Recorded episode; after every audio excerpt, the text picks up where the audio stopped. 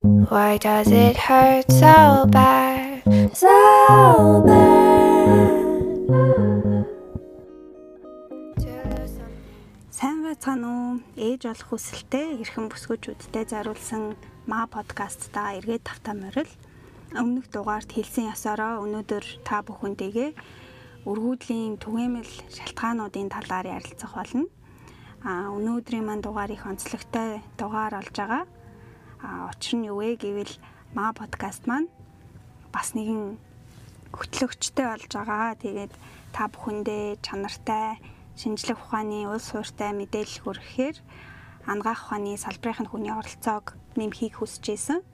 Тэгээд хүний хэмж таруул туяа найзаагаа хамт энэ подкастыг мань хөтлөөд яваач ээ гэж хүсэлт тавьсан байгаа. Тэгээд миний хүсэлтийг хүлээж авсан найздаа баярлалаа. За юуны төрөнд урьж оролцуулсан найздаа маш их баярлалаа. Тэгээд найзтайгаа хамтраад бас юм гоё зүйл хийх гэж байгаа да. Бас хувь нэмэр болж байгаа да бас их баяртай байна. За баярлалаа. Тэгээд саруулын манд хувьд Америкт зүрхний яхооны эмчээр ажилладаг байгаа. Тэгээд мөн түүнийхээ хажуугаар хүнс тэжээл судлалын магистртаа суралцж байгаа юм мундаг өсгөө байгаа. Тэгээд энэ дугаараас хойш бит хоёр хамтраад мөн дан дангаараа дараагийн дугааруудаа хөтлөөд явах бах.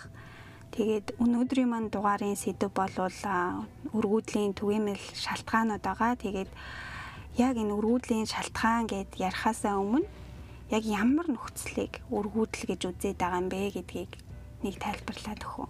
За тий. За өргүүдэл гэдэг маань болохоор эрэгтэй эмэгтэй хоёр хамгаалтгүй одоо бэлгийн харьцаанд нэг жил ба түүнээс дээш хугацаанд ороод жирэмсэн болохгүй тохиолдлыг бол өргүүдэл гэж нэрлэж байгаа. Аа За тэгээд энэ нь болохоор а ер нь 7 хос болгоны нэгэнд нь тохиолддог нэлээд тийм түгээмэл тохиолддог зүйл юм байна. А тэгээд сүүлийн одоо жилүүдэд эрчимтэй нэмэгдээд одоо жил ирэх тусам 5-аас 10%-аар өсөж байгаа гэсэн тийм судалгаа байна. Аа. Тийм энэ нөгөө нэг жил хүртэлх хугацаанд хамгаалтгүй бэлгийн харьцаанд орсны дараа гэж байна шүү дээ. Аа тэгээд энэ дээр болохоор би нэг юм юм харсан байхгүй энэ хосуудын яг нэг 20% нь яг хамгаалт хэрэглээгүй үедээ аа эхний сартаа жирэмслэх магадaltaй гэдэм байнал л да. Тэгээд энэ магадлал нь болохоор 12 сар хүртэл ингээд нэмэгцээр хагаад тэгээд яг энэ 12 сарын хугацаанд буюу 1 жилийн хугацаанд яг 90% болтлоо өсдөм байнал л да. Тэгээд яг тэр 90% хүртлээ ингээд 90% магадaltaй байчаад тах чинь жирэмслэхгүй байна гэдэг бол угаасаа ингээд ямар нэгэн болохгүй байна. Тий ямар нэгэн хүчимгээ тэн яваад байна. Гэсэн нэг тийм баталж байгаа нь тий. Аа тэгээд бас энэ талаар жоохон ямархуу статистикийн мэдээлэл юм бэ гэд хайгаад үзэхгүй юу тэгсэн чинь дэлхийн хэмжээнд 2019 оны байдлаар 90 сая хос өргөдлөөс олж шаналдаг гэсэн тоо байд юм байна. Тэгээд энэ нь болохоор анх дагч болон хоёр дагч өргөдөлтөд тулгарч байгаа түрүүний чиний хэлсэндээ 7 гэр бүл тутмын нэг нь ийм асуудалтай байдаг гэсэн байгаа байхгүй. Аа тэрэн дээр болохоор бас тэр анхдагч болон хоёрдагч гэдгээ бас тэр нь болохоор яг юу гэсэн үг вэ гэж бас гайхаж магадгүй. Тэр нь болохоор шалтгаанаар шалтгаанаар нь анхдагч болон хоёрдагч гэж өргүүдэл гэж ангилаад байгаа. Анхдагч гэдэг нь маань одоо юу гэсэн үг вэ гэхээр одоо анх одоо жирэмсэн болох яг нөхөн үрчгүү насан дээрээ ирчээд хахад жирэмсэн болж чадахгүй байгаа тохиолдол бол нь ерөөсөө өмнө жирэмсэлж байгаагүй нөхөн үрчгүй нас насн дээр ирчээд хахад одоо жирэмсэн болж чадахгүй тохиолдлыг бол анхдагч тохиол анхдагч гэж үзэж байгаа. А хоёр дахь нь болохоор өмнө одоо хэдэн жилийн өмнө ч гэдэг жирэмсэн болоод хүүхэд гаргацсан. Аа тэгээ дараа ахаад хүүхэдтэй болохыг хүсдэг. Тэгээд одоо жирэмсэн болж чадахгүй байх тохиолдлыг бол хоёр дахь гэж нэрлэж байгаа. Аа. Аа манай Монгол улсын хэмжээнд болохоор яг ийм тоо байд юм уу гэхээр бас юм олдоогүй л дээ. Гэхдээ яг хуу ганц олдсон тоо баримт нь юу вэ гэхээр нэг жилдээ дунджаар яг 60 хүүхэд бүр төрөлхийн өргөө төрдөг гэсэн байсан. Тэгээ дээр бас айгүй харамсалтай. Тий айгүй өндөр үзүүлэлттэй өндөр үзүүлэлттэй лээ. Тий тэгээд а ер нь өргүүдэл гэлтгүү ямар ч өвчин асуудлыг ингээд шууд үүсгэж байгаа зүйлсийг бол шалтгаан гэж үздэг юм байна л да. Тэгтэл харин энэ шалтгаанд нь хүргэсэн зүйлсийг болохоор хүчин зүйлс гэдэг юм байна. Тэгээд энэ шалтгаан хүчин зүйл хоёр маань бас хоорондоо харилцан хамааралтай гэсэн байгаа тийм. Тэгээ өнөөдөр бит хоёр бол шалтгаануудыг нь түлхүү ярих бол харин дараа дараагийн дугааруудаар ямар хүчин зүйлүүд энэ өргүүдлийн шалтгаанд нь хүргээд ээж болох юм бэ тий. Тэгээд тэдгэрийг бидний зүгээс яг юу хийж дээрдүүлж сайжруулж чадах юм бэ гэдэг талаар ярилцаад явах байгаа тий. Тий. Тий. Тэгээд энэ бас нэг зүйлийг тодруулж хэлмээр байна. Тэгээд бид нар бол бит хоёр бол ямар нэгэн эмчийн зөвлөгөө эмчилгээ хэлж өгөхгүйгүй. Харин өөрсдийн олж мэдсэн зүйлээ аль болох тийм найдвартай их сурулж мэрэгжлийн ном, сонин сэтгүүл дээрх мэдээллээр баяжуулаад тэгээ хүрхийг хичээж байгаа шүү гэдгийг ойлгоорой. Тэгээ яг уу бид нар бит хоёр болохоор зорихдоо илүү та нарт ойлгомжтой гэдэг утгаасаа нэг тийм мэрэгжлийн үг хэллэг бас баг хэрэглээд а яг тэгээд яг өргөдөлд хүргэж байгаа яг одоо шалтгаан шалтгааны талаар энэ удаагийн дугаарт бас ярих байгаа. Аа тэгээд энэ хүү маа подкаст маань тий ердөөл та бүхний их хэл дээрээ авч олох мэдээллийн бас нэгэн их усүр нь байхыг л ер нь зорж байгаа шүү. Тий ер нь бол бас яг ийм өргүүдлийн талаар битсэн одоо судалгаа шинжилгээ дээрэс нь ном сэтгүүл ер нь яг их хэл дээр олж уншихад ер нь бас айгу ховор байдаг. Би бол яг тэр асуудалтай тулгарч. Тэгээ бит хоёр яг уу англи хэл дээр аль болох сүүлийн үеийн судалгаа болон судалгааг үндэслээд мэдээллийг үндэслээд одоо юмнуудаа бэлдсэн байгаа. Тийм. За тэгээд гол сэдв рүү орцгоё. Тэгээ өргүүдлийн ер нь шалтгаанд хүргээд байгаа тэр хүчин зүйлсийг товчхон дуртаад тэгээд түүнийхээ дараа яг ямар шалтгаануудын улмаас өргүүдэл үүссэн байж болох талаар ярилцаад явъя. Тэгээд хэрвээ санаж байвал өмнөх дугаар дээр хүний бие ер нь өвчтэй сул байх үедээ нөхөн өвчгийн процессоо ингээд цаанаасаа л хоош нь тавих хандлагатай байдаг тухай дурдсан байгаа. Тэгэхээр одоо дараагийн одоо дараах хүчин зүйлүүд бол өргүүдэл гэлтгүү хүний биеийн эрүүл мэндэд ер нь нийтээр нөлөөлдөг зүйлс гэж би бас бодож байгаа. Тэгээд та бүхэн ч санал нэгдэх бах. Тэгээд а эдгээр хүчин зүйлсүүдэд бол одоо архаг хууч өвчин, үр өслүүд, а нас тэр ялангуяа эмэгтэй хүний хувьд бол нас маш их чухал байдаг. Тэгээд 30 олон түүнээс дээш насандаа анхлан ч юм уу эсвэл жирэмслэгээр төлөвлөж байгаа эмэгтэйчүүдтэй бас яаж нөхөн өрчгийн чадвараа сайжруулах талаарх мэдээллүүдийг хүргэхээр бит хоёр төлөвлөж байгаа. Тэгээд за нөгөө хүчин зүйлүүд дээр маань нэмэгдээд амьдралын хэв маяг, за үүн дотроо хоол хүнс.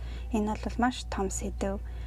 Тэгээд хөдөлгөөн, заа мөнгө, хүрээлэн буй орчин, стресс, хэд таргалалт, зохисгүй одоо хэрэгэлсэн жирэмслээс жирэмслэлтээс хамгаалах хэрэгслүүд. Аа удмын гаралтай эсвэл ямар нэгэн ослоос шалтгаалсан гэмтлүүд те эсвэл бэлгийн замын халдварууд гих зэрэг э, болол асуудалд хүргэж байгаа тэр хүчин зүйлсүүд нь байдаг юм байна. Аа зарим тохиолдлууд нь бол бас шууд шалтгаан болох нь ч бас байдаг гэсэн байт юм байна. Тэгээд а эдгээр хүчин зүйлс яг ямар шалтгаануудад хүргэж болох вэ? Бас шууд нөлөөлдөг ямар зүйлс байдаг вэ гэдэг талаар саруул яриад явах уу? За тэгээ. За ерөнхийдөө болохоор өргүүдлийн шалтгаан шалтгааныг бол одоо эмэгтэйчүүдээс яг болоод байгаа өргүүдэл нь болохоор дотроо 35-аас 40 орчим хувийг эзэлт юм байна. А эрэгтэйчүүдээс болоод байгаа нь 25-аас 30%. А тэгээд эрэгтэй эмэгтэй хоёулангаас болоод байгаа нь ойролцоогоор 25%. А за тэгээд 11% нь бол одоо шалтгаан тодорхойгүй гэсэн ийм юу байд юм байна. Ямар ч нэг нэг шалтгаан олж чадахгүй шалтгаан тийм шинжлэх ухааны одоо юугаар ямар ч удаа шалтгаан тодорхойгүй өргөдөл байж болох юм байна. За тэгээд эхлээд болохоор эмгтээчүүдийн өргөдлийн талаар эхлээд ярий. Ягаад тэгэхээр энэ маань ер нь жоохон илүү түгээмэл талдаа тийм. За үүний тулд болохоор эхлээд хамгийн их одоо хувийг эзэлж байгаа шалтгаан бол өндөвшний одоо өвчин болон өндөвшний хэвийн бус байдал нь эмэгтэйчүүдийн өргөдлийн ойролцоогоор 40 орчим хувийг эзэлдэг гэсэн тийм судалгаа байд юм байна. Аа. За энэ нь болохоор юутай холбоотой юм гэхээр настай холбоотой. Одоо 45-аас дээш насны эмэгтэй хүмүүс цэвэрших төхөр угаасаа өндгөөс ялгархгүй болонгууд одоо өргөдөлт хүрч болно. Аа. За Ангис нь ер нь нөөцөн дуусч байна. тийм нөөцөн дуусаад цэвэршиж байгаа болохоор тэр хүн дахиж ширэмслэх боломжгүй болж байна гэсэн. За дараа нь болохоор өндгийсний нөөц багаснаас болоод өргөдөл хурж болд юм байна. За Аа тэгтээ нөгөө цэвэрших болоогүй мөртлөө тий. тийм цэвэрших болоогүй мөртлөө одоо өндөвчний янз бүрийн өвчнөөс болоод ч юм уу эсвэл өрөвслээс болоод өндөвч а өндгийсний маань нөөц нь багас багасч болно. Аа тэгээд үүнээс болоод бас өргөдөлт хүргэж болт юм байна. За түрүү ярьсан яг нөгөө анхдагч өргөдөл дээр бас анхдагч өргөдөлд ор энэ бол орох байх л та. Өндөвчний анхдагч тутмагшил гэдэг ийм өвчин байгаа. Үүнээс болоод анханасаа ерөөсөө жирэмсэн болохгүй тийм анхдагч өргөдөлд хурж болт юм байна. Тутмагшил гэдэг нь болохоор ерөөсөө өндгийс байхгүй. Тийм ерөөсөө өндгийс байхгүй. Ерөөсөө өндгийс ерөөсөө болов боловсрох боломжгүй анханасаа тийм.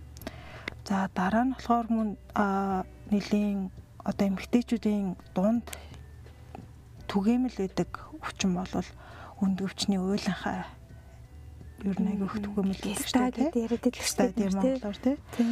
Тэгээд тэрнээс болоод бас бас өргөдөл бас хурж болдог. А тэр нь мөн адилхан тэгэд а үүнтэй холбогдуулаад одоо энэ нь болохоор яг дотоож үрлийн булчирхай үйл ажиллагаа одоо алдагдсантай холбоотой Аа. өндөвчний уйланхаа үснэ.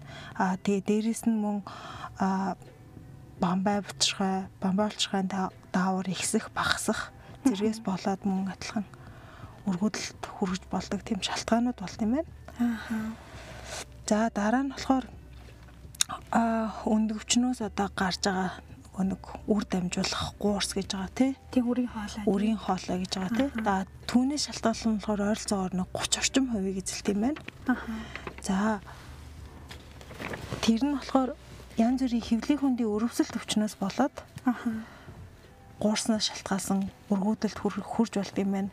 А өрөвсөл өрөвсөлт өвчин гэхээр одоо янз бүрийн өрөвслүүд маань нөгөө гуурс гуурсанд маань наалтан гүйсгээд а нөгөө гуурс маань бөглөрөөд а түүнээс болоод өндгийс чи ялгарч чадахгүй болонгууд үр тогтож чадахгүй. Аа. тэг- Нөгөө хоёр ч уулзаж чадахгүй. уулзаж чадахгүй тий тэгээд түүнээс болоод өргүүдэл бас үүсдэг юм байна. А тэгээд дээрэс нь а дараа нь болохоор тийм хагалгаанаас болоод янз бүрийн хагалгаанаас болоод Аа. Яг нөгөө би тэгээд сонсч байсан ш нөгөө зарим тохиолдолд яг нөгөө нэг савны гадуурх жирэмслэлт гэл хүмүүс хагалгаанд ордог тий. А эсвэл бүр тэр савтай холбоотой биш мөртлөө бүр олгон молгооны хагалгаанаас болоод тий одоо тэр гуурсаа гинтих ч юм уу тий гэсэн Тий. байдаг тий. Тэр чинь асар нарийнхан одоо химжээтэй нарийнхан сууг байгаа. Тэгээд гимтгэд одоо маш амархан. Тийм тэгээд янз бүрийн тийм хагалгааны хүндрэлээс болоод ч юм уу одоо тийм гуурсны бүрэн бүтэн байдал алдагснаас болоод жирэмсэн болох болох магадлал нь бас буурдаг бахны. За дараа нь болохоор буруу байршилтай жирэм өмнө буруу байршилтай жирэмсэлсэн тохиолдолд мөн гуурснаас шалтгаалсан тийм өргөдөлт үүсгэж болд юм байна.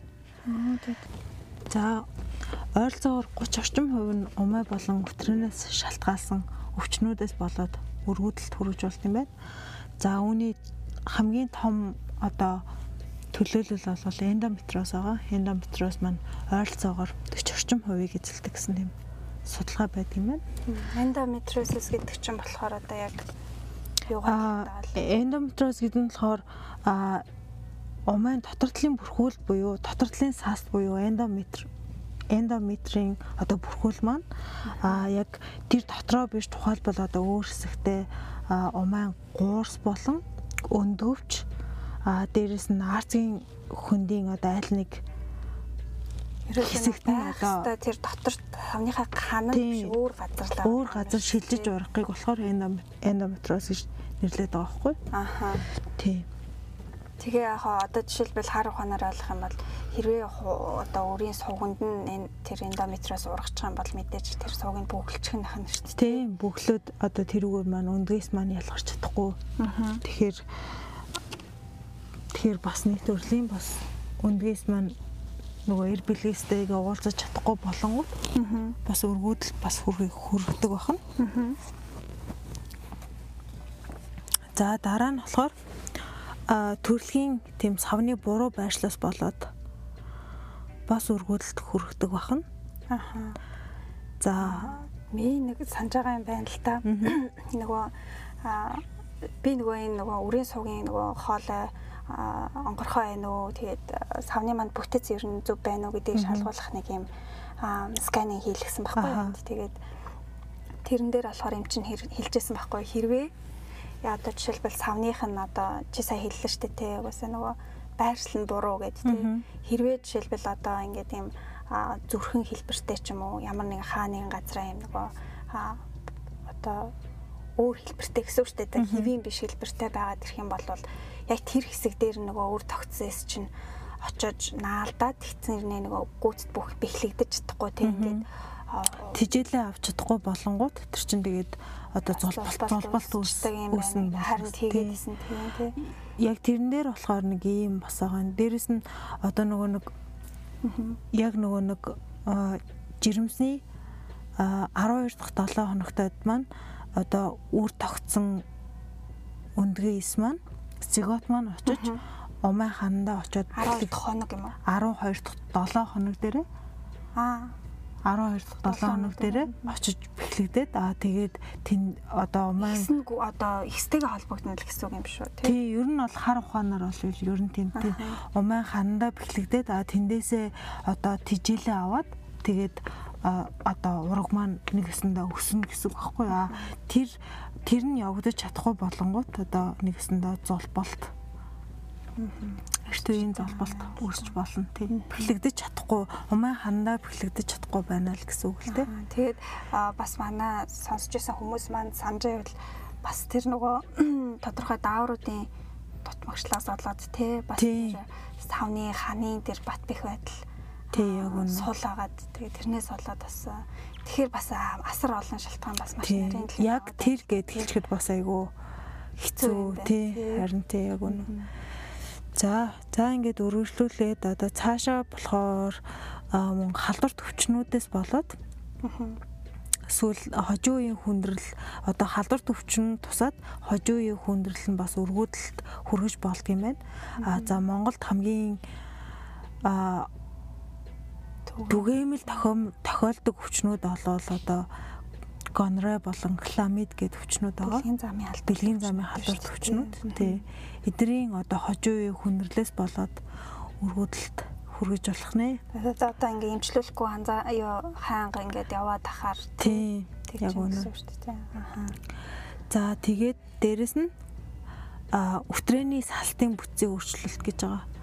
За яг нөгөө өмнөх дугаар дээр одоо чиний ярьсанчлан а өвтрэний шингэн маань одоо яг нөгөө нэг овуляц явагдах үед тийм өндөгний цагаан шиг байх хэвээр тий.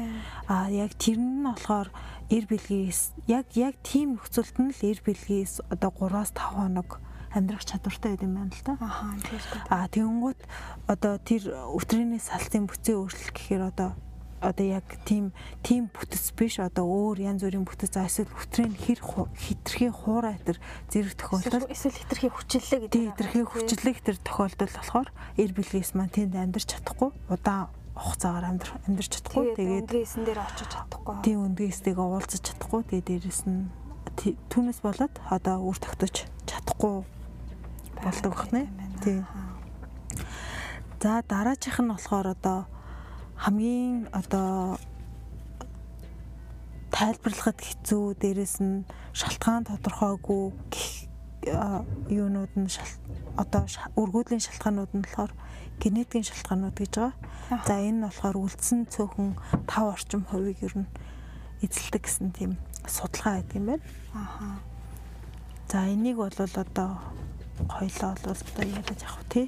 Цаашаа үйлчлүүлээд би энэ дээр болохоор нэг юм нэмээр байна л та. Тэр нь болохоор одоо миний одоо нөхцөл байдал болохоор яг энэ шинжлэх ухаанаар тайлбарлагдахгүй гэдэг англи хэлд нь орчиж байгаа хгүй ягаад тэгэхээр энэ бүх шинжилгээнүүдийг нь хийгдээд тий бүгдээрээ зүгээр гараад бүр сүулт нь хамгийн сүулт нь хийгддэг энэ генетикийн шинжилгээ хүртэл хийгдээд тий а хоёр хос одоо хоёулангийн үздэг юм билээ л тий тэгээ эрэгтэй эмэгтэй хоёулангийн тэгээд хоёулаа зүгээр гараад тэгээ ингээд ямар ч нөгөө нэг юг болчихж байгаа байхгүй тий одоо шийдэл авахгүй яг юунаас болсон нь мэддэхгүй тий.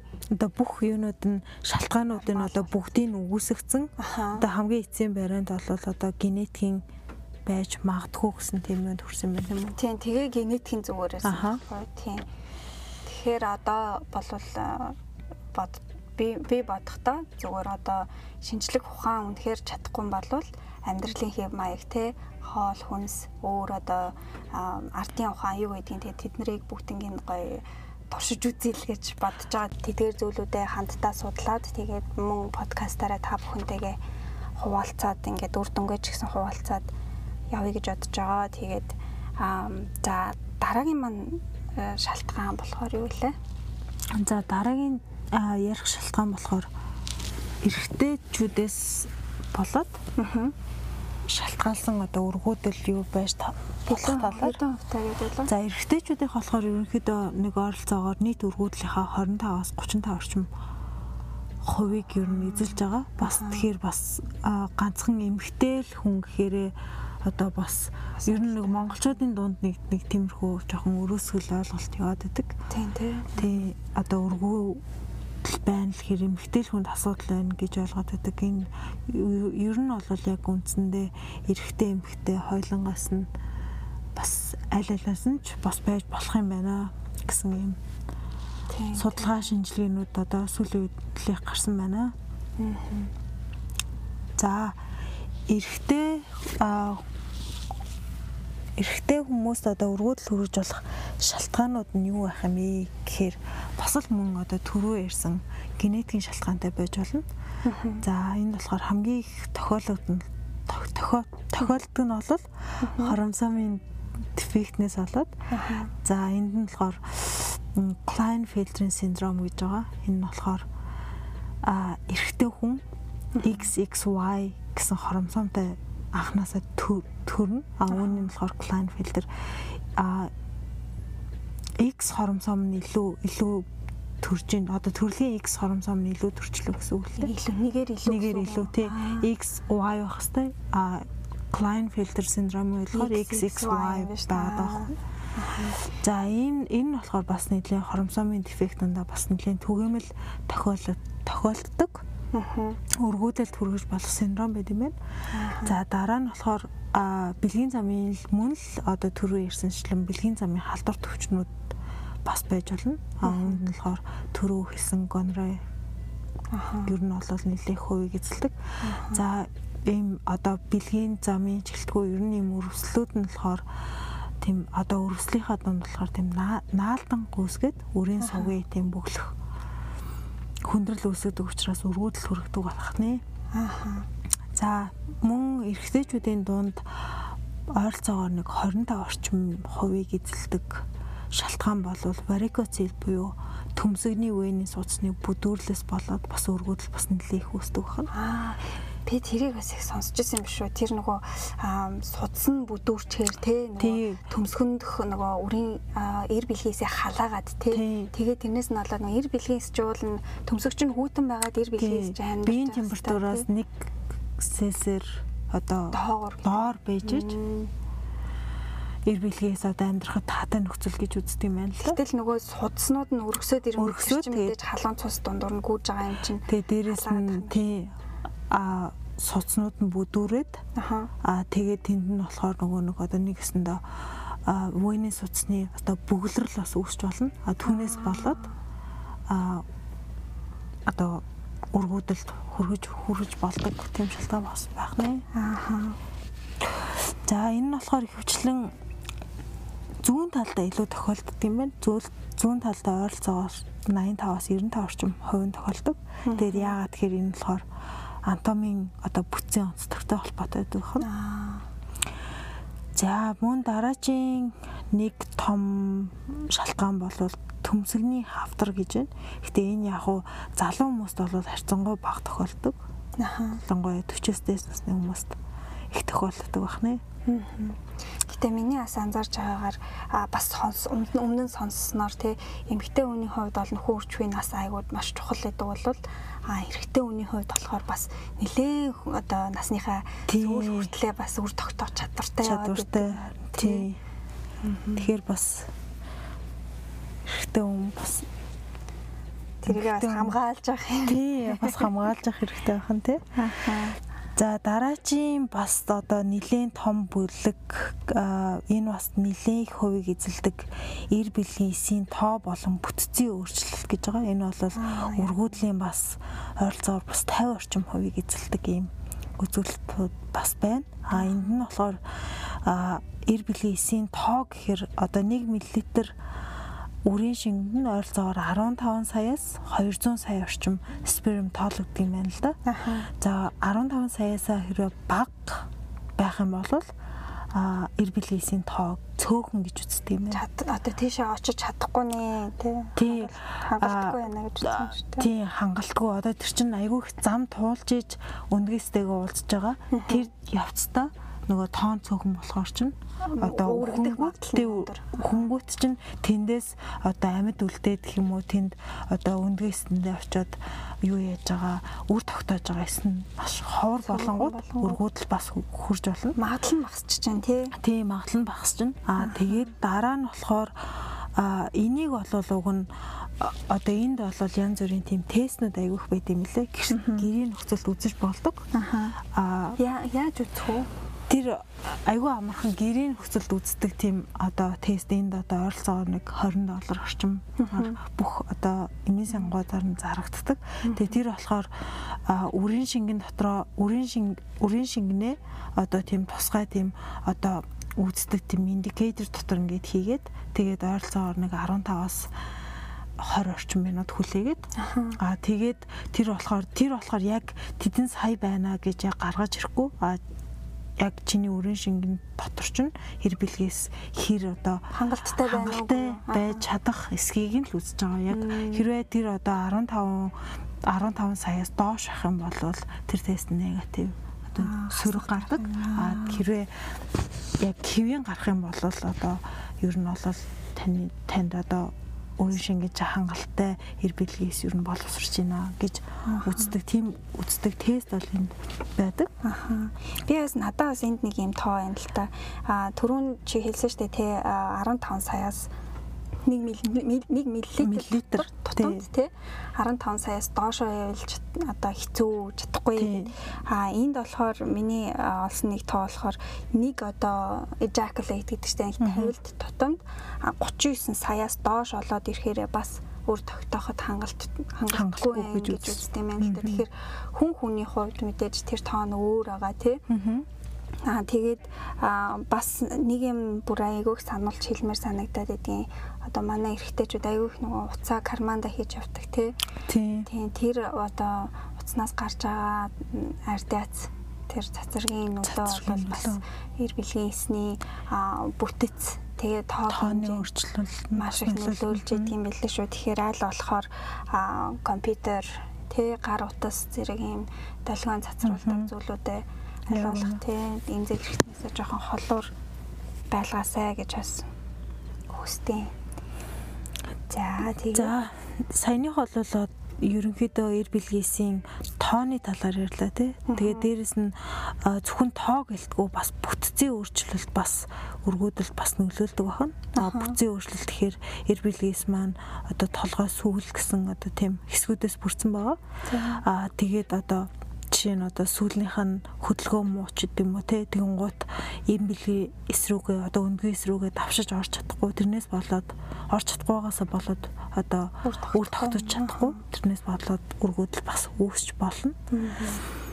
За саяны одоо ярьсан эр бэлгээсийн тоо болон бүтцийн өөрчлөл нь өөрчлөлтөд одоо нөлөөлж байгаа хүчин зүйлүүд гэж бас байна л да энд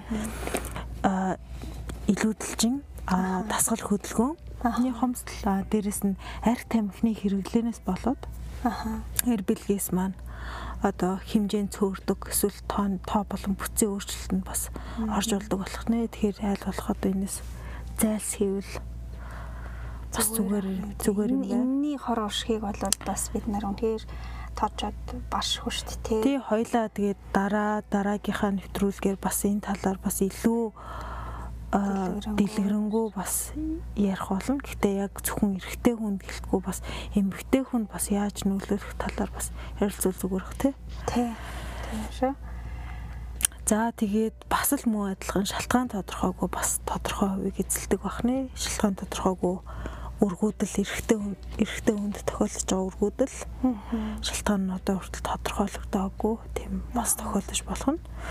За тэгээд дээрэс нь одоо янз бүрийн а им удаан хугацаагаар хэрэгснээс болоод эр билгээсийн үйлдвэрлэлт нь бас багасч болд юм байна. За эдгээр юмуд нь болохоор хамгийн одоо их шалтгаалж болох нь болохоор стероид удаан хугацаагаар хэрэглэсэн тохиолдолд Стероидыг ч одоо яг ямар өвчнөд их хэрэглээд байт юм бэ? Одоо стероидыг бол ер нь хөвчлэн одоо юуны гаралтай иммун системийн гаралтай өвчнүүд бийж нөлөөлдөг. Дархлааны гаралтай өвчнүүд хэрэглэдэг.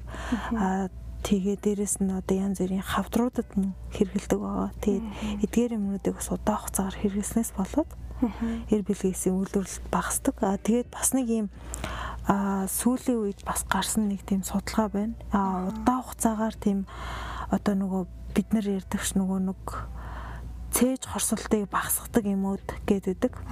Omeprazole гэдэг юм болол тий acid reducer тий omeprazole бол Монголд нэлээд хүмүүс айгүй хэрэгэлдэг. Цээж хорсгороо уудаг. Тэр эмнүүд болохоор бас муу адилхан эр бэлгээс үйлдвэрлэлтийг бас багасгадаг гэсэн тийм сүүлийн үеийн судалгаанууд бас гарсан байт юм байна. Аха тэр нөгөө стероид гэдээ ярьсан шүү дээ. Энэ стероид гэдэг энэ эм маань болохоор хүний биеийн дэх яг тэр Q одоо Q 10 гэдэг энзим те CoQ10 гэдэг энзимийг ингээд нөгөө нэг тууга гаргачихдаг юм байна л да хүний биенээс.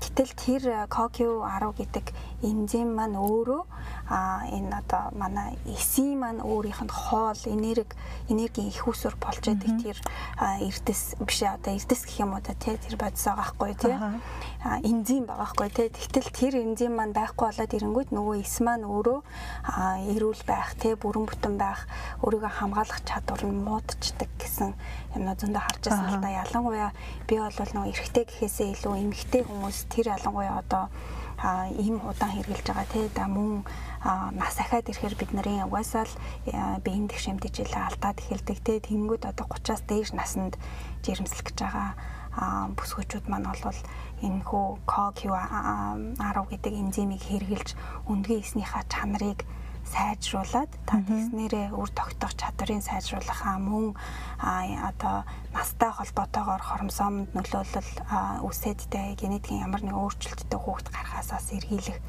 гих мэдчлэн аа мөн одоо IVF гэж ярьдаг шүү дээ хуруу шилний хүүхд ингээд нөгөө төрүүлэхэд тэр процессыг амжилттай болоход нь бас нэлээд үр дүнтэй байдгаа гэсэн юм зүйлийг мэдэж авсан. Тэгээд энэ талаар за мөн одоо дараа нь одоо өөрийнхөө өөрөө тогтоох чадварыг хэрхэн сайжруулахад яг юу юу хэрэгтэй юм бэ гэдэг талаар бит хоёр тусдаа дугаар бас бэлдэж гаргах байгаа тий. Яг биднээс шалтгаалж болох одоо юмнууд нь юу юм те. Заавал одоо бид нар заавал ингээд а ийм одоо өвчин ярилгүйгээр яг бид нар өөрснөрөө одоо юу хийж чадах юм гэдэг талаар бас илүү ярил. Бас зүгээр юм болов гэж бас бодлоо. Тийм тийм одоо бит хоёрын төвлөрөх юм бол ерөөсөө л хэрэлтэй бид юу засаж чадах юм бэ? Бид нарын оролцоод байгаагаар бид нар тий өөрсдийнхөө хүчин чадлыг ер нь хэр сайжруулж чадах юм бэ гэдэг талаар илүү ярилцсан. Гэхдээ илүү одоо угаасаа л одоо энэ хүн өрчгөн эрүүл мэнд чинь ингээд тэр чигээрэл биеийн эрүүл мэндтэй бас салшгүй холбоотой тэгэхээр тэр чигээрэл бас биеийн эрүүл мэнд ярахаас өөр аргагүй болж байгаа юм л да тий. Тэгэхээр та бүхэн маань бас дараа дараагийнхаа дугааруудтай хамт байгаарай. Тэгээд сан нэмж хэлэх зүйл байна. За нэмж хэлэх зүйл гэвэл а сүүл сүүлд болохоор а би нэг ном унсан л доо. Яагаад яагаад бид унтдаг вэ гэд. А тэр номон дээр болохоор бид нэр 7 хоногт 7 хоногт бишээ хоногт 8 цаг унтснаар бид нэр яг энэ өргүүдлээс бас урьдчилан сэргийлж болох юм аа. Богино одоо хоногт баг 8 цаг ба түүнээс бага хэмжээгээр унтахаар бас энэ бас ингээд удаан хугацааны турш үргэлжлэхэд өргүүдлэлт хүргэж болдгийм а гэсэн нэг тийм бас судалгаа бас энэ номон дээрээс олж харсан. Аа тэгээд бас дээрэс нь бас нэг нэг 6 сармаар 6 сарын өмнө уншижсэн бас нэг номон дээр бас нэг эрүүл мэндийн хоолтын талаар номон дээр бас бичсэн байсан л да.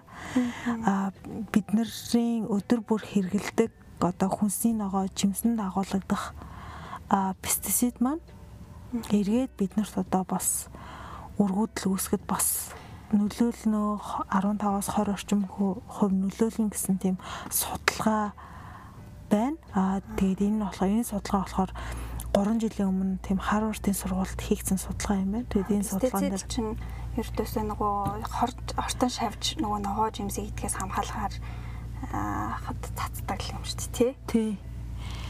Тэгээд ийм судалгаа бас байд юм байна. Тэгээд яг энэ пестицид нь болохоор яг дааврын зохицуулгын аль чатанд нөлөөлж болдог. Одоо зөв өвлөлт, ялгаралт, нөөцлөлт, хүлээ авалт гэх зэрэгт нь болол бүгдээрэнд нөлөөлөх тийм чадвартай байд юм байна.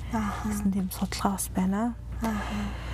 За энэ талаар болохоор бид хоёр бүр дараа дараагийнхаа сэдвээр одоо бүр дэлгэрэнгүй. бүр дэлгэрэнгүй. Одоо яаж бид нар одоо ер нь пестицидээс одоо өөрөөсөө хамгаалж чадах юм гэдэг талаар бас маш энгийн хэрнээ айгу ойлгомжтой аргуудыг бас шууд хэрэгжүүлж болохоор аргуудыг тий. Хэрэгжүүлж болохоор болохоор аргуудыг бид бит хоёр бас ярина. За ерөнхийдөө ингээд одоо ургуудлын шалтгаан бол нэг тавчхандаа бол нэг иймэрхүү. Тэгээ яг танд үнэхээр одоо тийм одоо зөвөр одоо тийм шинж тэмдэг илэрх юм бол яг тийм мэрэгжлийн юмчд үзүүлээд яг юунаас болоод байна яг яагаад байна гэдгээ бас үзүүлээсээ зөвлөгөө аваасаа яг мэрэгжлийн хүн дээр нь очиж уулзаасаа а тэр хэрвээ үнэхээр одоо яг танд одоо ямар ч асуудалгүй ямар ч тийм юугүй бодвол бид хоёрын подкастыг бас үргэлжлүүлээ сонсоод бас өөрөөсөө шалгаалж болох бас юу байх байж болох уу гэдгээ бас сонсоод үзээрэй гэж бас хэлмээр байна. За ингээд ээж болох хүсэлтэй эмэгтэйчүүдтэй зориулсан маа подкастын маань нэгэн дугаар та бүхэндээ хүрлээ. Ингээд энэ хүртэл бит хоёртой хамт байсан та нартай баярлалаа. Ингээд дараагийнхаа дугаар хүртэл түр баяртай.